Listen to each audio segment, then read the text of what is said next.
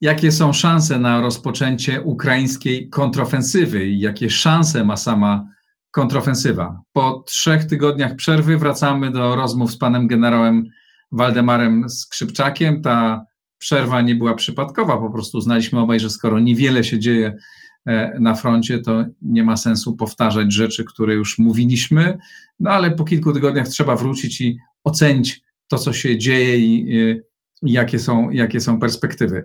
E, jak zawsze, serdeczne podziękowania dla wszystkich patronów. Bardzo dziękuję. Kto z Państwa chciałby dołączyć do tego grona, zapraszam na mój profil w serwisie patronite.pl. Zapraszam serdecznie na spotkanie ze mną i z panem Markiem Krajewskim, wrocławskim pisarzem do Wrocławia. 11 maja o godzinie 17 w zajezdni będziemy nagrywać program na żywo z udziałem publiczności. Bardzo będzie miło spotkać się z państwem i e, łączę się z panem generałem. A oto mecenasi Układu Otwartego. E-Kwadrat V to polska spółka zajmująca się sprzedażą energii elektrycznej pochodzącej wyłącznie z odnawialnych źródeł. Firma DevTalent, budująca zespoły programistyczne dla klientów z branży finansowej i cyberbezpieczeństwa. OnGeo.pl, geoportal dostarczający raport o terenie z diagnozą dowolnej działki dla właścicieli, sprzedających lub kupujących. XTB, polska platforma inwestycyjna oferująca dostęp do instrumentów finansowych, bieżących analiz rynkowych oraz setek godzin darmowych materiałów edukacyjnych.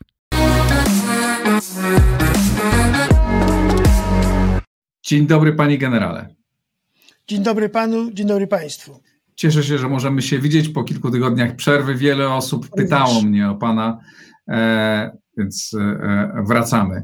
Wiem, że pan w ostatnim czasie miał kontakt z ukraińskimi dowódcami przy okazji, nie wiem, czy przekazaliście już państwo tę łódź, na którą wiem, że udało się zebrać e, pieniądze, czy jesteście w trakcie przekazywania? Proszę powiedzieć, po pierwsze, jak jest z tą łodzią, a po drugie, no, co mówili państwo, panu ukraińscy dowódcy?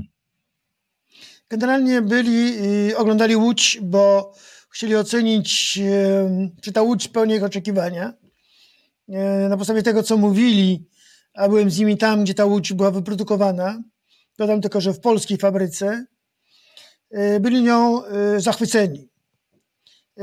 Ocenili ją bardzo wysoko, jej możliwości, jej walory bojowe, i ona jest, można by rzec, w tej chwili w trakcie testów.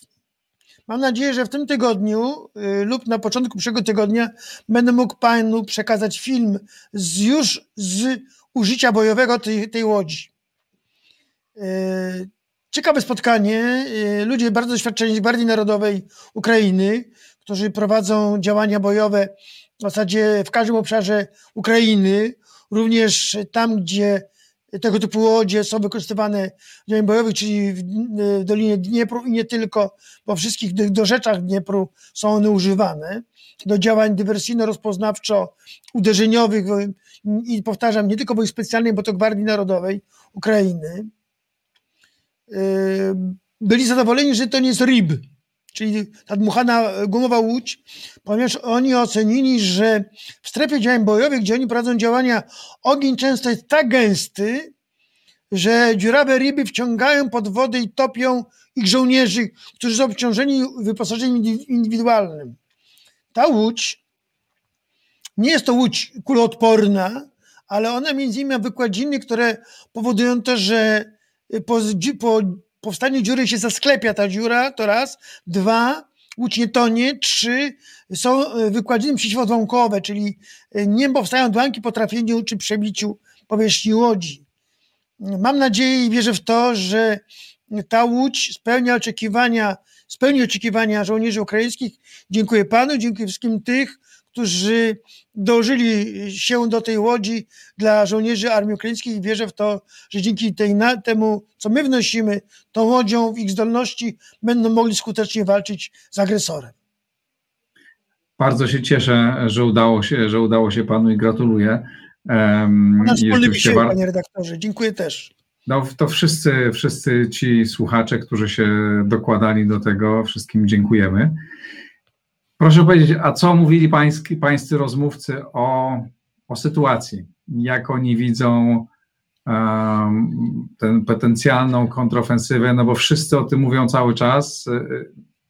Raczej coraz częściej słychać pesymistyczne głosy bardziej niż e, optymistyczne.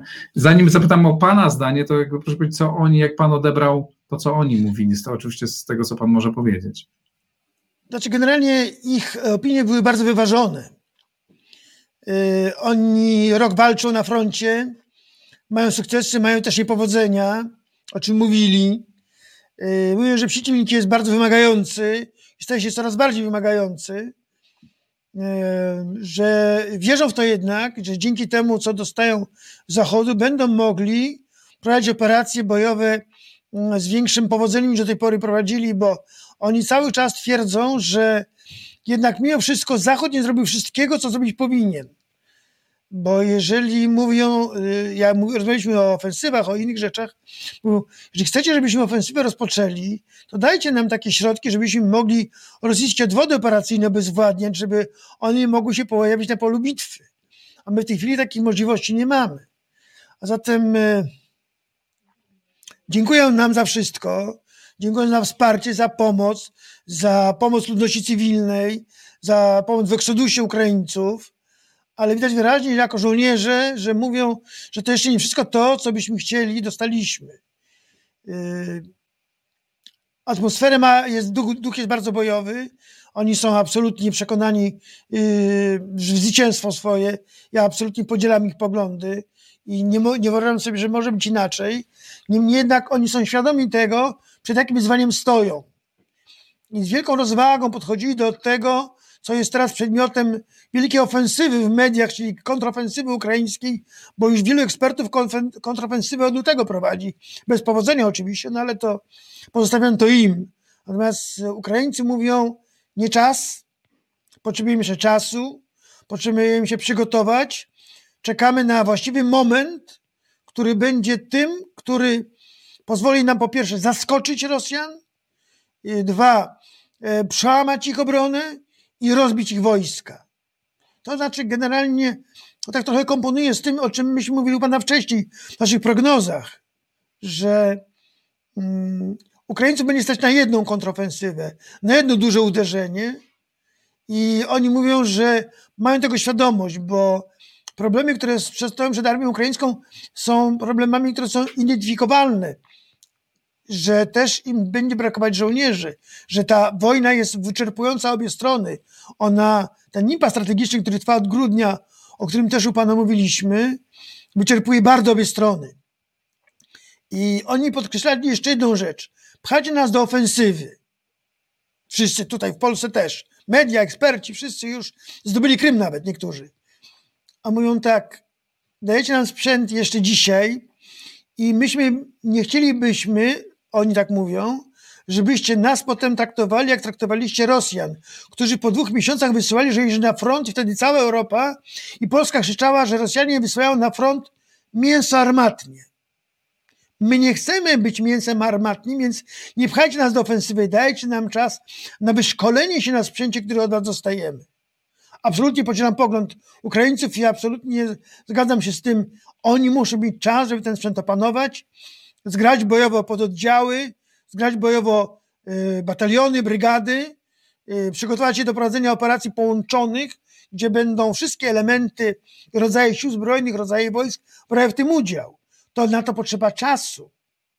Ja wiem, że wielu ekspertów, którzy byli w Iraku dowódcami plutonu w tej chwili mówi o tym, że ofensywa trwa.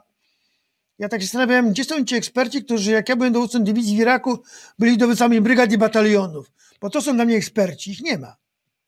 Zastanawiam się, dlaczego nie ma.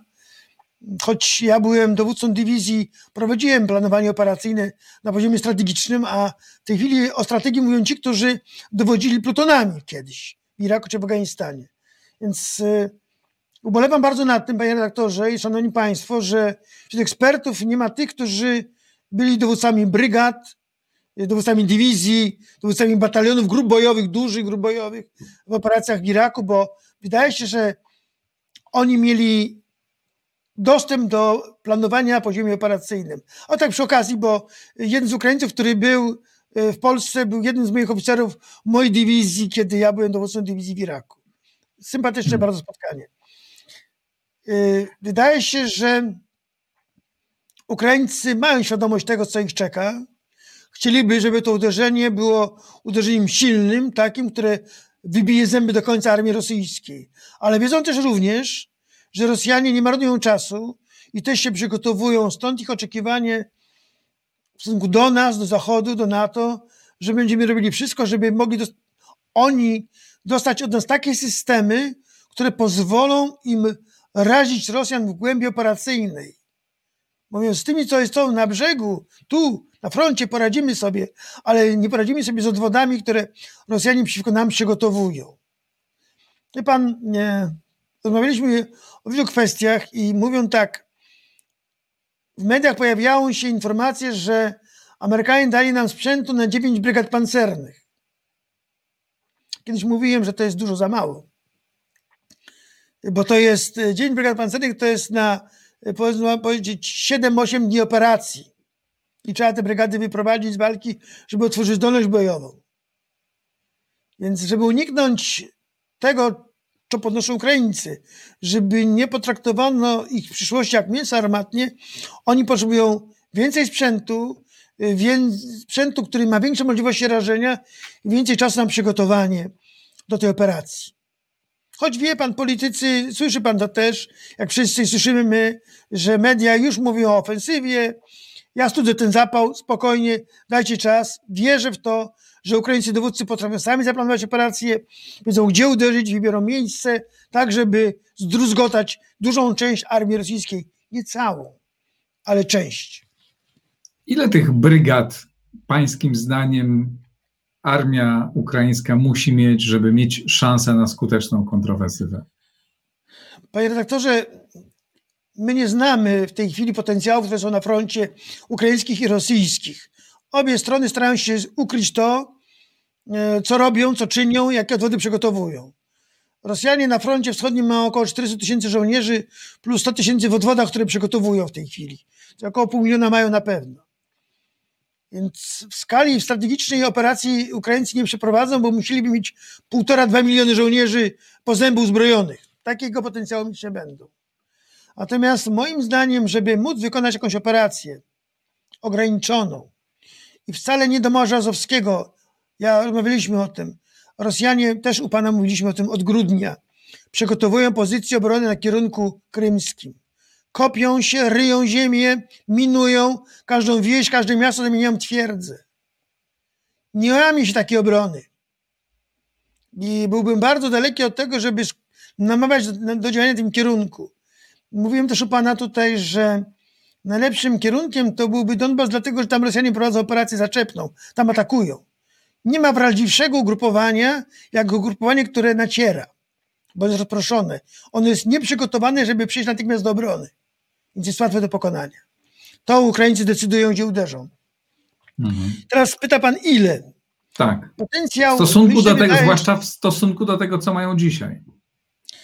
Y, wydaje mi się, że jeżeli przyjmiemy założenie, że Ukraińcy uderzyliby w rejon Donbasu, gdzie tam jest Bachmut, Avdiivka, to grupa rosyjskie jest rozproszone. Y, głównie tam jest artyleria i piechota, też i trochę pancernych.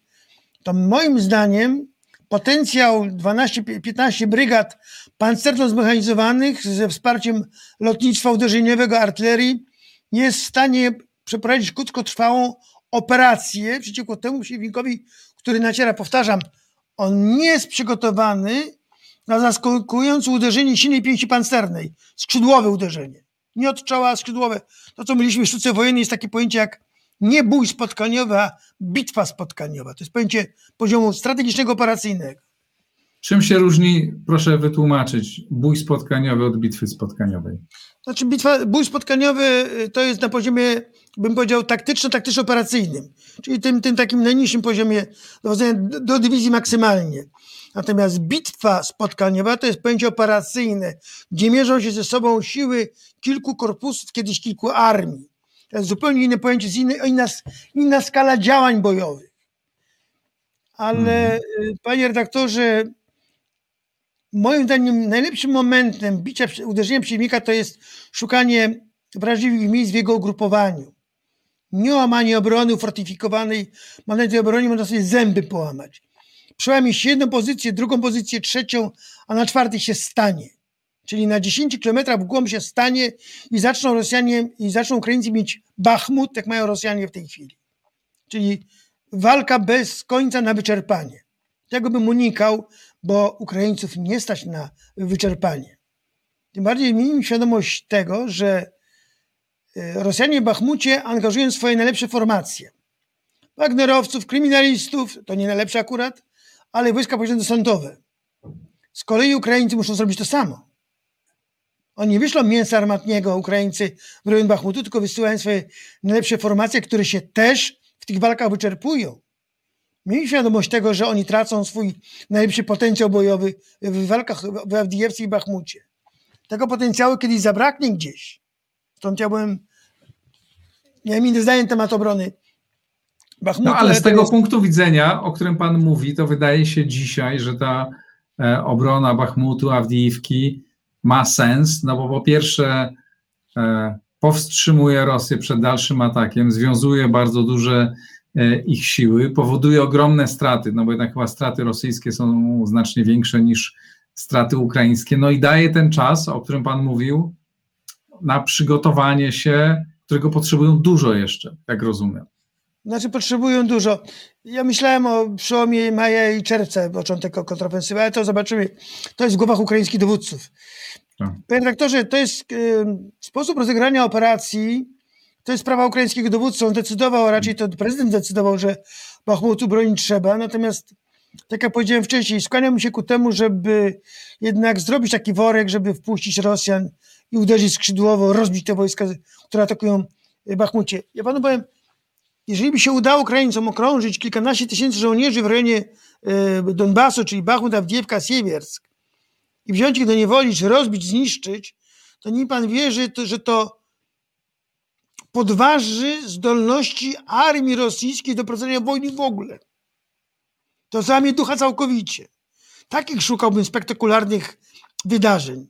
Bo wie pan, niektórzy się eksperci odwołują do kontrofensywy ukraińskiej 11 września ubiegłego roku na kierunku charkowskim. Była sukces, tylko co z tego sukcesu zostało? Rosjanie wszystkie ziemie, które wtedy utracili, odbili.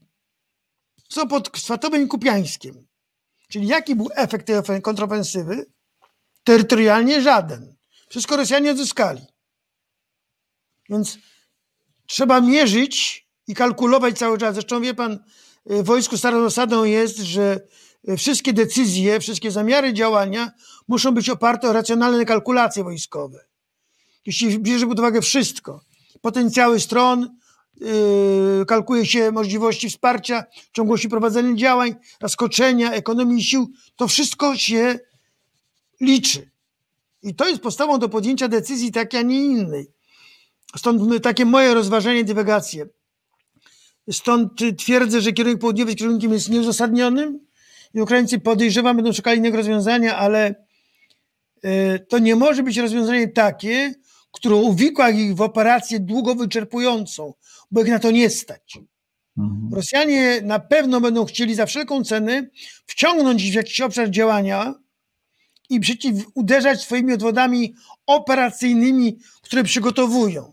Proszę zauważyć, że na froncie południowym pojawiły się czołgi T-55 i czołgi T-62. Wszyscy je krytykują, ośmieszają i tak dalej. Wie pan, ja jestem czołgista. Ja mam doświadczenie z użycia czołgów. Ja widziałem załogę czołgu, nie powiem jakiego, który został trafiony w wieżę e, pociskiem tempogłowicowym przeciwpancernym. Pancerz nie został spenetrowany, czyli ten pocisk nie przebił pancerza. Ale widziałem, jak załoga wypełzała z tego czołgu. Krew tym żołnierzom leciała uszami, oczami, ustami i z czym wszystkim. Siła uderzenia jest tak ogromna. Ten wstrząs jest tak ogromny, tak energetyczne ciśnienie, że to, to obezwładnia załóg, jak nie zabija. Więc ja bym był bardzo ostrożny w tych śmiechach, prześmiewczych dyskusjach ekspertów, którzy nigdy w czołgu nie siedzieli, tylko bym pokazał im, jak wygląda załoga czołgu potrafiona takim pociskiem, który nie przebija pancerza. a druzgoca tą załogę całkowicie. Oni są niezdolni do niczego, oni czołgi sami nie będą. Przykład, widziałem też czołg, który jechał na minę bojową T-62M z ładunkiem połową ładunku. Ten sam efekt. Załoga, wypełza, załoga wypełzała z czołgu, yy, a krew leciała z wszystkiego, co tylko mogła lecieć. Bądźmy ostrożni i nie lekceważmy przeciwnika. Cały czas to podkreślam. Te czołgi, z tego, co pan... Mhm. Tak, proszę. Z tego, co pan mówi, wyni... czy z tego, co pan mówi, wynika, że te odwody i te kolejne linie obrony, które, o których czytamy, o, o których wiemy z zdjęć satelitarnych, które są budowane na południu, a na pewno na Krymie, czy z tego wynika, co Pan mówi, że na północy e, w tych, te, tych, te linie nie są tak aż tak dobrze przygotowane i że to rzeczywiście może być kierunek, w którym będzie łatwiej uderzyć? Zanim się, panie redaktorze, zanim się pokazują zdjęcia w mediach z tych pozycji obronnych na południu, myśmy u pana w grudniu o tym mówili, ja to przewidywałem, że tak będzie. I tak się stało. Mhm. Czy na północy jest to samo? Trudno mi w tym chwili powiedzieć, ale na pewno na północy Rosjanie mają świadomość tego, że mogą chcieć e, Ukraińcy powtórzyć uderzenie od Charkowa. I też będą się pewnie tam przygotowywali, pewnie się przygotowują. Zresztą symptomy tego, że się przygotowują, były po tej ofensywie e, we wrześniu. W październiku, listopadzie też było e, dużo informacji o pozycjach obronnych budowanych wzdłuż rzeki Krasna i Oskoł bodajże, jak pamiętam. Rosjanie w tej chwili przygotowują się do tego, co mogą chcieć zrobić Ukraińcy. Dla mnie największym bezpieczeństwem w tym wszystkim to nawet nie są te pozycje obronne, a odwody, które Rosjanie szykują. Bo jeżeli oni kierują czołgi T-55, T-62 na pierwszą linię frontu jako punkt oporu ogniowego, to znaczy, że te czołgi, które idą z produkcji, bo produkcja trwa cały czas, czołgi z remontów trafiają do tych odwodów, które są na terenie Rosji które są poza zasięgiem ognia artylerii i lotnictwa uderzeniowego armii ukraińskiej, które Rosjanie formują, szkoły przygotowują na co? Na swoją kontrofensywę przeciwko kontrofensywie ukraińskiej. I wydaje mi się, że Ukraińcy mają tego świadomość, stąd te kalkulacje i ta rozwaga wielka ukraińskich dowódców, żeby nie dać się wciągnąć w coś, co spowoduje katastrofę. Mhm. Pamiętam, jak rozmawialiśmy o, o problemach, e, o mm, amunicji i pan zastanawiał się, skąd e, Rosjanie mają e, amunicję. Dzisiaj już wiemy, że chociażby jeśli chodzi o amunicję artyleryjską, to kupili czy dostali 300 tysięcy sztuk amunicji artyleryjskiej z Iranu. I ta współpraca sprzętowa z Iranem się zacieśnia. I się pogłębia. Już o tym jakby mówi się, znaczy już to, to już wiemy. Tymczasem słychać z drugiej strony, no, że są potężne problemy właśnie z amunicją po stronie ukraińskiej, tak? że trudno ją, że na zachodzie jej nie ma, że fabryki nie produkują.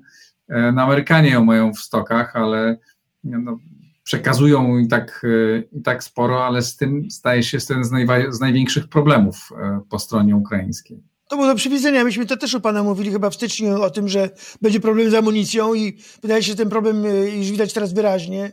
Rosjanie mają dostęp do amunicji, źródłami są na pewno jest, są Iran i Korea Północna moim zdaniem.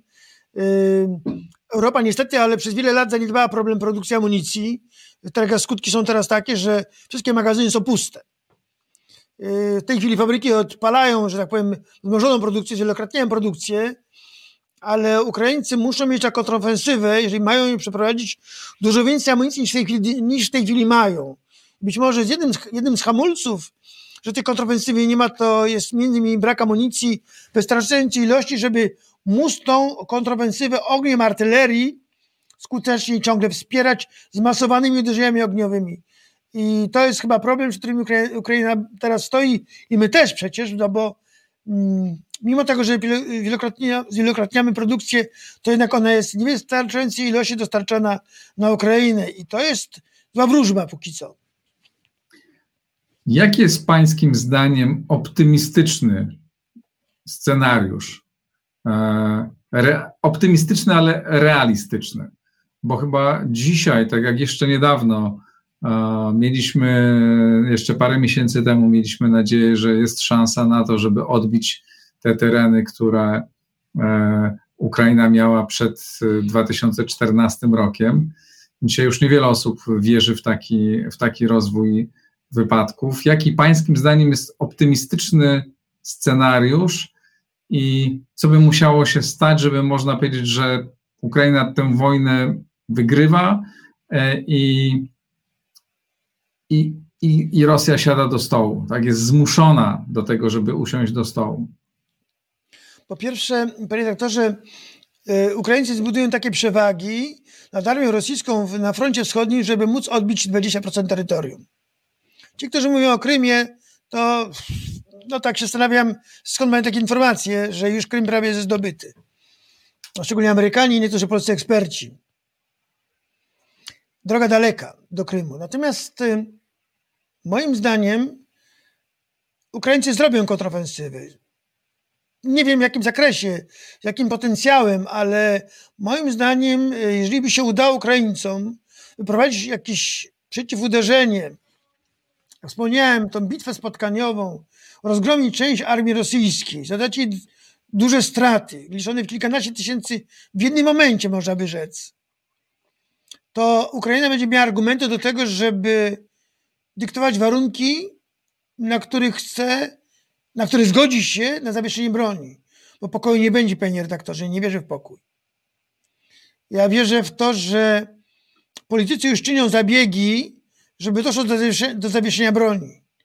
Ale żeby zawieszenie broni było na warunkach chociażby w części ukraińskich, to musi być zwrot zaczepny armii ukraińskiej, który rozbije część armii rosyjskiej. Kiedy to się stanie, to nie wiem, bo oczywiście to jest w głowach dowódców ukraińskich. Oni kalkulują i liczą gdzie, kiedy jak i czym. Natomiast według mnie na jesieni dojdzie do tego, że będzie po kolejny impas, ale już taki głęboki impas wynikający z wyczerpania potencjałów obu stron, że nie będą w stanie, w stanie do prowadzenia operacji wielkoskalowych i w zasadzie będzie to czas na to, żeby dyplomacja zaczęła działać już tak intensywnie i przy otwartej kurtynie, bo teraz działa przy, za kurtyną.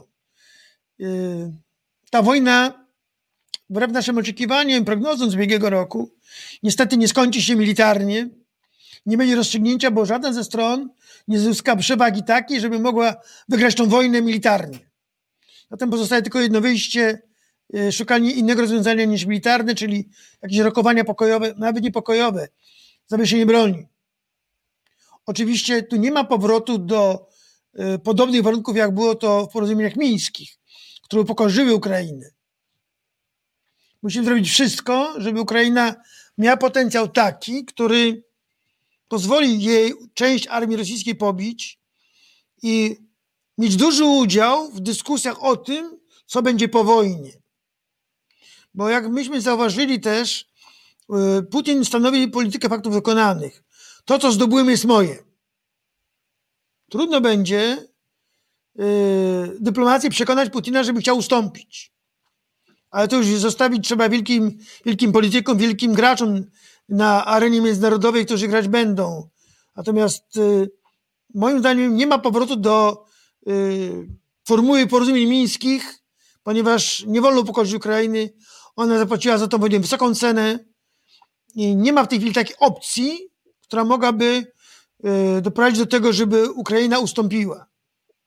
I Rosjanie muszą mieć jego świadomość, że mają prawo Ukraińcy chcieć odzyskania tych ziem nawet jeżeli nie w tym roku, to w kolejnych latach, budując potencjał do kolejnych etapów wojny, chociaż nam zależy na odbudowie Ukrainy i o tym myślmy, żeby Ukraina była państwem, które normalnie funkcjonuje. Trudny temat. A jaki może być negatywny scenariusz militarny, taki też no, realistyczny, tak? Znaczy, co jeśli ta ofensywa, kontrofensywa nie pójdzie, uda się rosyjska kontrofensywa? Jak pan ocenia szanse, potencjał e, Rosjan? Jaki może być ten negatywny scenariusz najbliższych miesięcy? Znaczy, wie pan, mnie niepokoi to, że wszyscy na Zachodzie y, żyją emocjami, które y, wynikają chyba z przeświadczenia, że armia ukraińska jest tak duża, taka silna dzięki sprzętowi Zachodu, że pobije każdą armię świata. Teza bardzo fałszywa, z gruntu fałszywa. Nie ma Ukrainy takiego potencjału i nie ma Ukrainy takiego potencjału ludzkiego, żeby taką armię, która by pobiła armię rosyjską, yy, zbudować. Zatem Ukraińcy muszą kalkulować, co warto.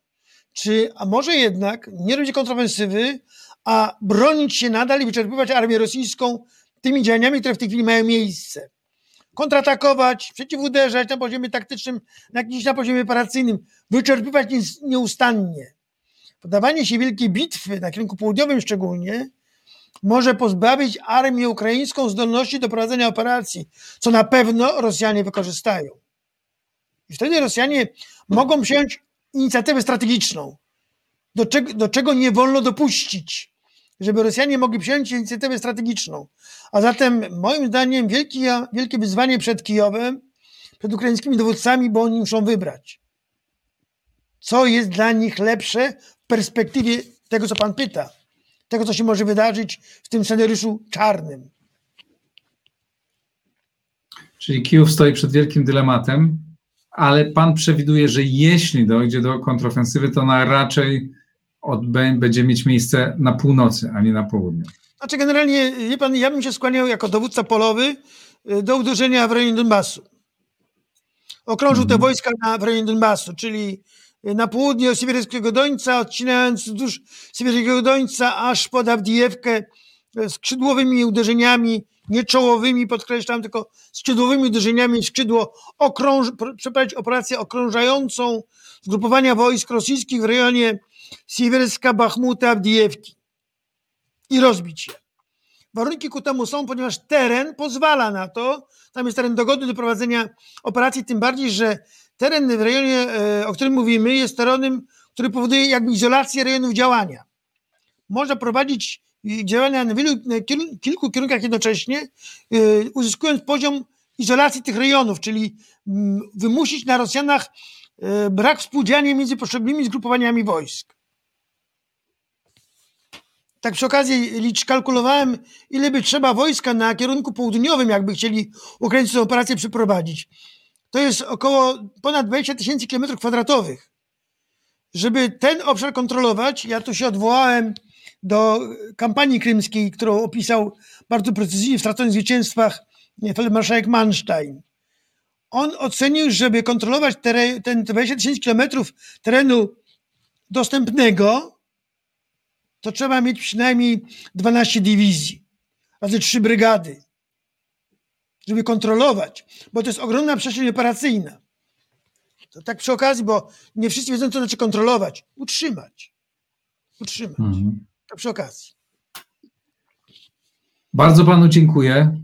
Dziękuję mm. bardzo. No nie wiem, czy wkrótce będziemy wiedzieć, co się dzieje. Być może będziemy czekać długo. E, umówiliśmy się z panem generałem, że nagramy następną rozmowę, kiedy będziemy mieć coś nowego do powiedzenia. Może to będzie za tydzień, a może będzie to za dwa albo trzy. E, Oczywiście będziemy... reagować do sytuacji, panie redaktorze. Tak. Y, nie napinać się My będziemy w kontakcie. Tak. My będziemy z panem generałem w kontakcie e, i e, odezwiemy się wspólnie, kiedy będzie można coś nowego opowiedzieć. Bardzo panu dziękuję. Dziękuję panu, dziękuję państwu jeszcze raz. Dziękuję za zrzutkę na Łódź. Pozdrawiam państwa serdecznie. Wszystkiego dobrego. Dziękuję bardzo Państwu. Napiszcie, co o ten temat sądzicie. Potem czytając, uważajcie na komentarze troli z Petersburga i Moskwy, bo ich się zalęgło tutaj w pod nagraniami układu otwartego sporo. E, walczymy też z nimi tam. E, subskrybujcie, lajkujcie, ale piszcie oczywiście, komentujcie Państwo i wspierajcie na patronite.pl. Dziękuję bardzo, do zobaczenia, do usłyszenia.